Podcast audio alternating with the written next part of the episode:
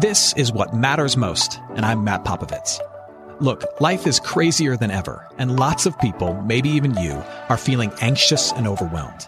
Today's message is designed to help you figure out what's most important and to experience the peace and joy that God intends for you. Because life is a gift, and it shouldn't be wasted on worry. I'd like to give you a resource, something to help you navigate the road ahead. Just go to mattpopovits.com, click on the icon, and we'll send it to you. That's Matt, P-O-P-O-V-I-T-S dot com. And hey, if you happen to live in the Houston area, I'd love to see you on a Sunday morning at St. Mark in Spring Branch. Head to stmarkhouston.org to plan your visit. Here's today's message. Thanks for listening. This week, when we open the spiritual junk drawer and we rummage through, what we find is a whistle uh, the kind that you might wear around your neck. Maybe it's left over from your days of refing your cousin's soccer games, or maybe uh, back in high school you stole it from the gym teacher. I don't know, but but in the spiritual junk drawer is a whistle, and, and you pull it out of the junk drawer, you stare at it, and you say, "Oh, I know what this is for." Doesn't everybody? You you blow the whistle when somebody has broken the rules. You blow the whistle when somebody's stepped out of bounds. You blow the whistle when you need to grab somebody's attention because they're doing things what? Wrong. And that whistle, it represents this belief that religion is all about the boundary lines. That it's about a list of things you shouldn't do, activities you can't indulge, and fun you must not have. For many people, religion, in particular Christianity, is about God who constantly blows the whistle, calls foul, and says, no, you can't do that. See, that's way too much fun. You can't do that. Now, one of the big problems with this idea that religion is all about the boundary lines, that it's all about God blowing the whistle and saying no to a thousand different things. A big problem with this idea is that the boundary lines are often so blurry Depending on which church you go to or which Christian you talk to, God's rules seem to shift and change. There are some churches you go to and, and they only blow the whistle and call foul on the big things. They say, uh, try not to kill people. That's all they say.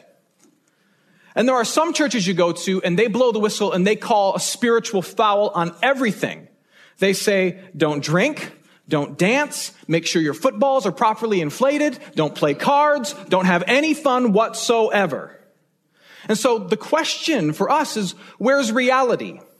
I mean, is God just this cosmic cop who's constantly blowing the whistle and calling foul all the time? Did he put us here simply so he could constantly police our behavior? And is religion all about following a certain set of rules and understanding where all of the no's are? Or is it something different? These words from Genesis 1 are called the creation mandate. The creation mandate. Let me read these to you. These should be familiar. So God created man in his own image. In the image of God, he created him, male and female, he created them. And God blessed them. And God said to them, Be fruitful and multiply and fill the earth and subdue it and have dominion over the fish of the sea and over the birds of the heavens and over every living thing that moves on the earth. Christians believe that God made everything that exists. That God made the sun, He made the earth, He made the animals, He didn't make cats, but He made every other animal. He made the elements, the, the periodic table. He made all of it and all that it has the potential to become. God made all of it. But then he also made us.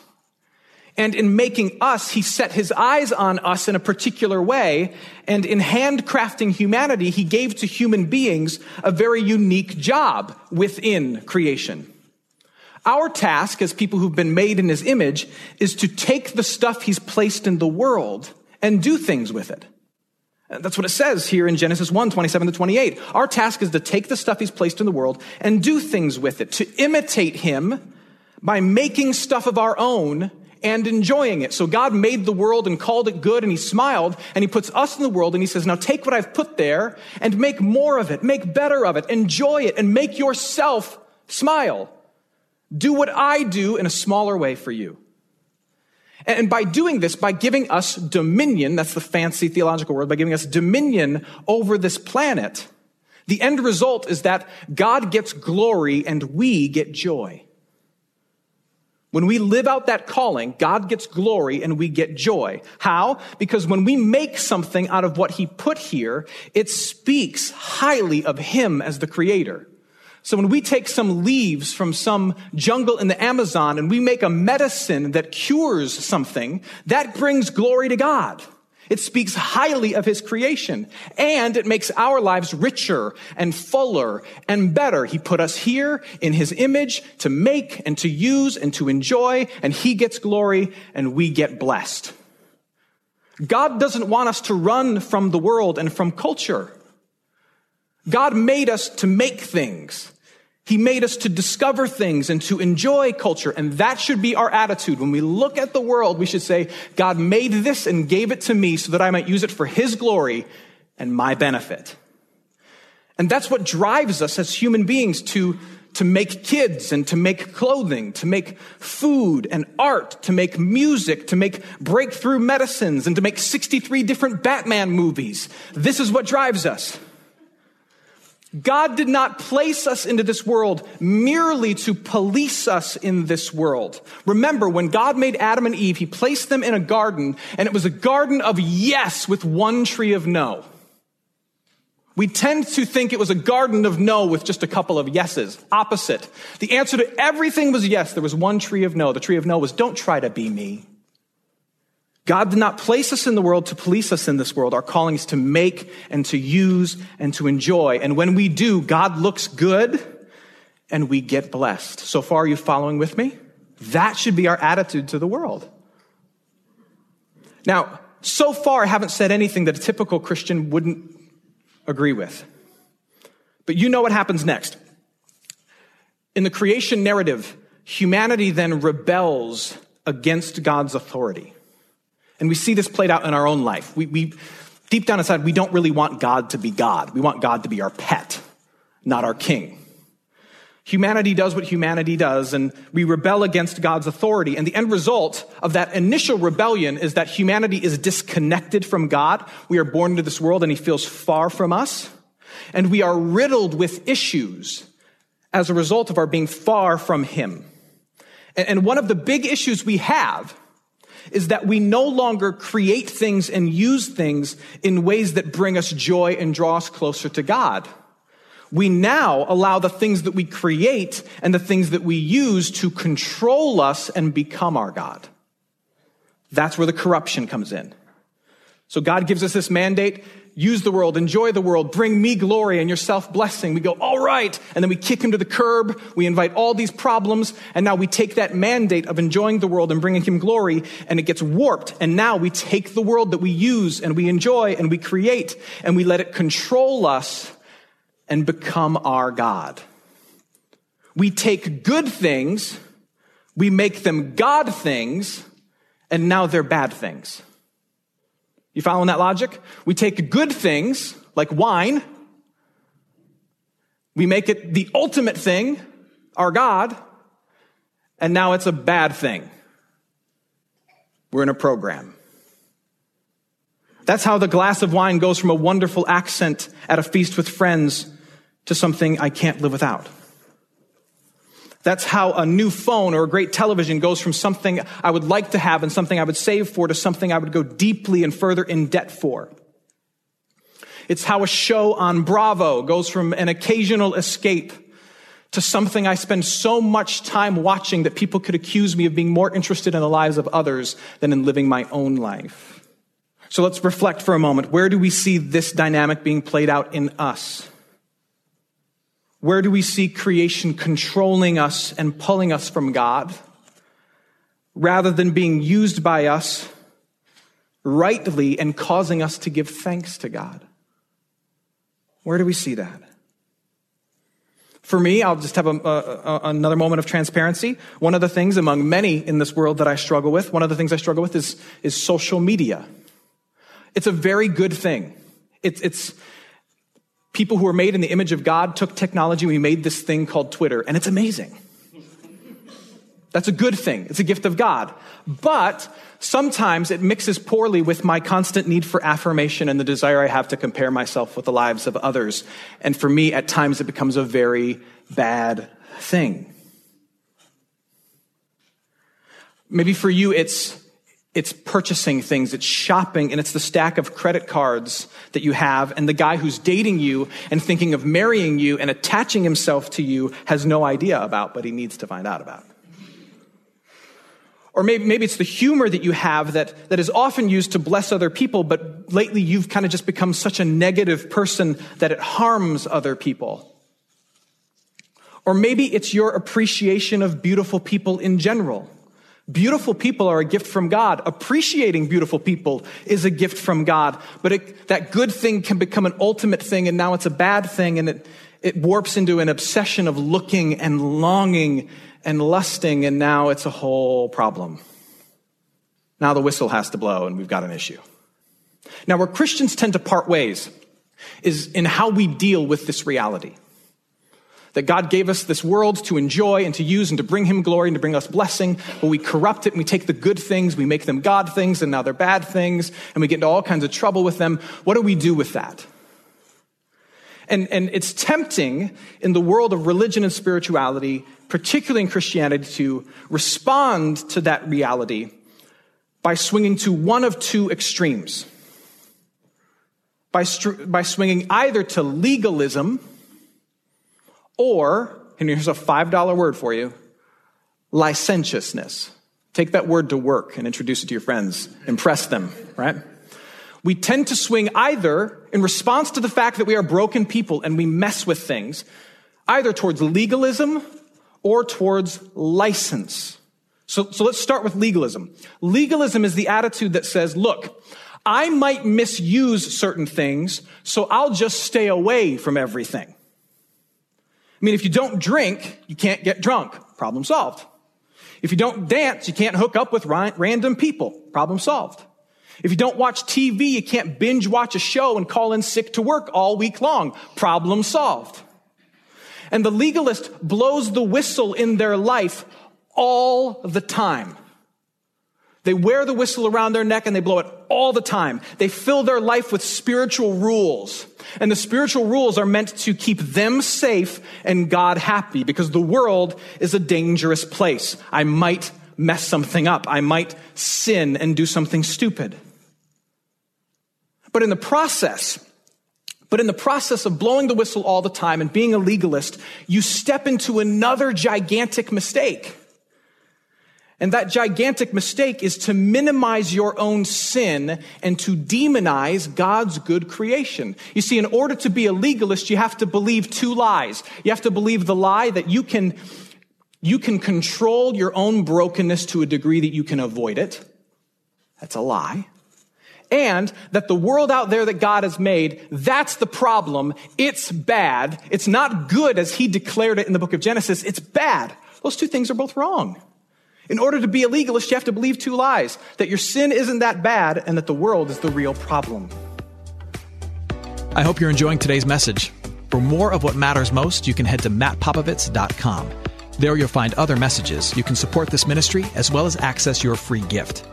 Oh, and if you're looking for a local church and you live in Houston, come and see what's happening at St. Mark Houston. To plan your visit, head to stmarkhouston.org. Thanks for listening, and back to today's message. I used to play a lot of golf. I, I, ran out of two things that golf requires. Golf requires a lot of time and a lot of money. I don't have either of those things, so I don't play golf anymore. But when I did play golf, I noticed something really interesting. When, when a golfer shanks a ball and breaks a window, the golfer tends not to blame themselves. The golfer tends to blame the club. The golfer tends to look at his buddy and say, I told you I need a new driver. How about you're just horrible at golf? I mean, if, if the club is what makes you bad, then how do guys in 1923 shoot 15 under with nothing but a rock tied to a tree limb? It's not the equipment. It's the guy holding it. Legalists work the same way. We deal with our sin by blaming the object. But the problem isn't alcohol. The problem isn't music. The problem isn't a television show. You know what the problem is? It's the guy holding the club. The problem is me.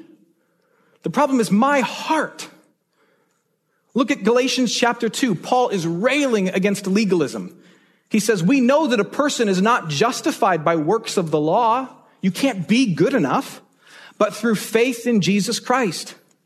So we also have believed in Christ Jesus in order to be justified, not guilty of our sins in the eyes of God, by faith in Christ and not by works of the law, because by the works of the law, no one will be justified.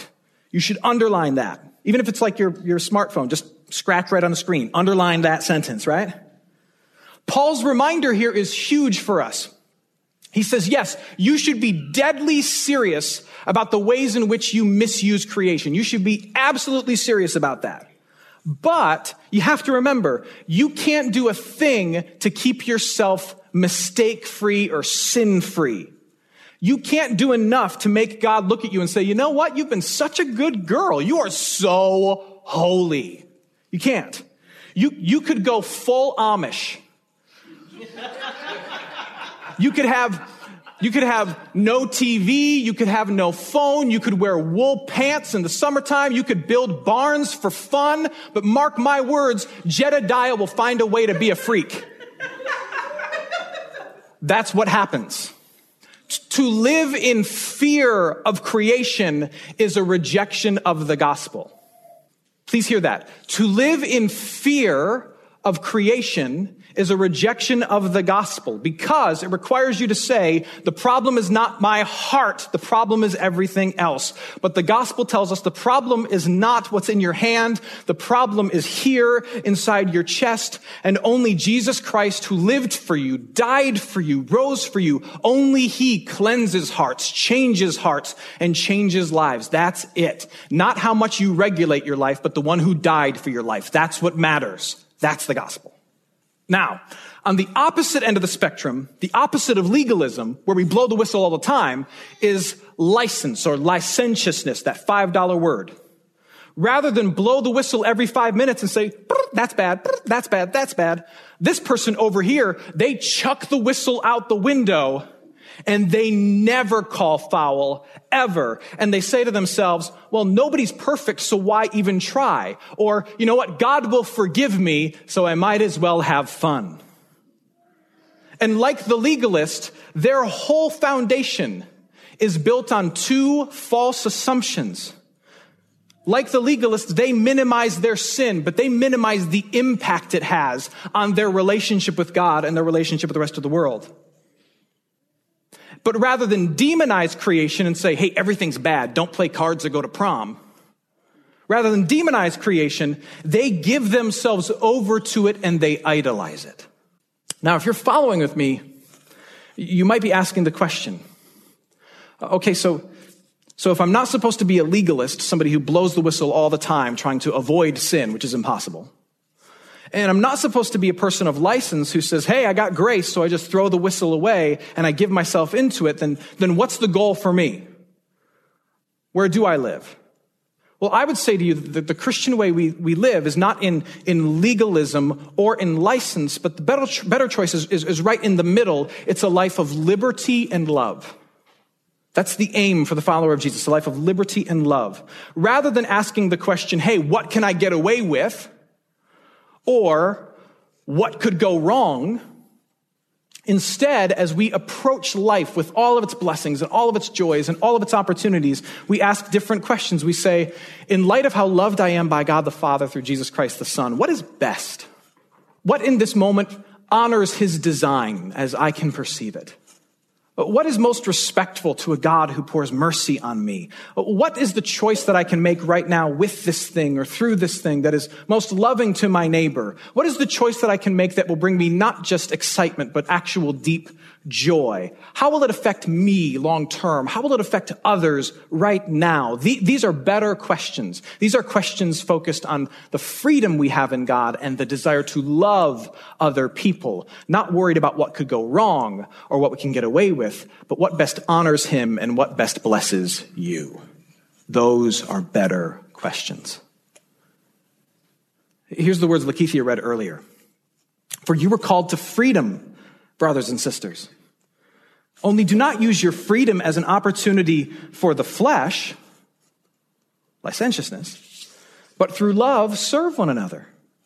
For the whole law is fulfilled in one word you shall love your neighbor as yourself.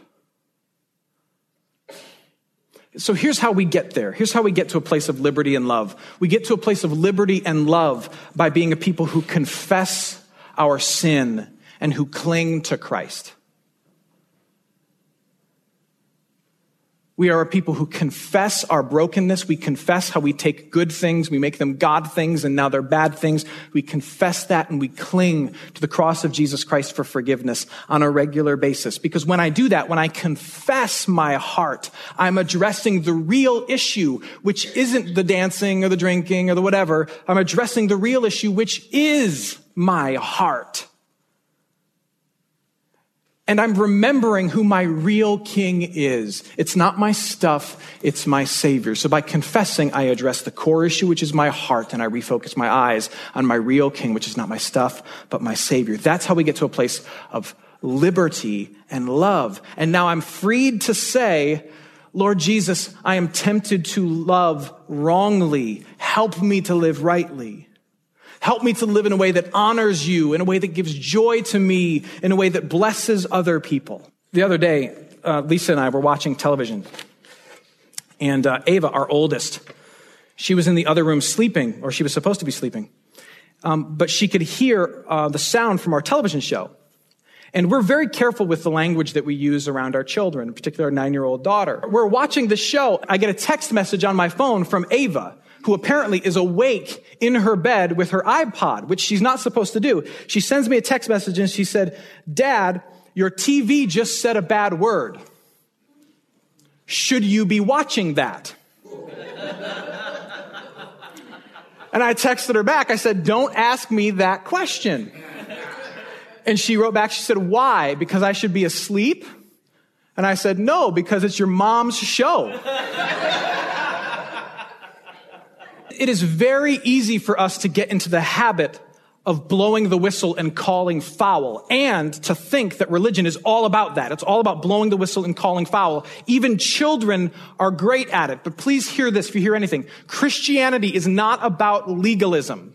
It is not about blowing the whistle at all the things you cannot do. It is also not about license, about you getting away with things because of grace, because a heart changed by grace doesn't do that. Christianity is not about legalism or license. Christianity is about love. It is about the love of a God who pursued you through Jesus Christ, who said, you are so far from me, but you are not forgotten by me. He came into this world and Jesus Christ lived the perfect life that we refuse to. And he enjoyed things without corruption as we're supposed to. He lived that perfect life for you. And then he dies on a cross in your place to reconcile you to the perfect father so that w- whether you are legalist or licentious, you can look to him and know that you are loved by the one who made you. Christianity is about the love of God and a freedom that that produces in us. A freedom that says, I'm not going to ask what I can get away with or what, am, what is the worst thing that could go wrong. I'm going to ask, what is the best thing for you? Because I'm forgiven. I'm going to ask, what honors him? Because I'm forgiven. I'm going to ask, what's going to bring me deep, true joy?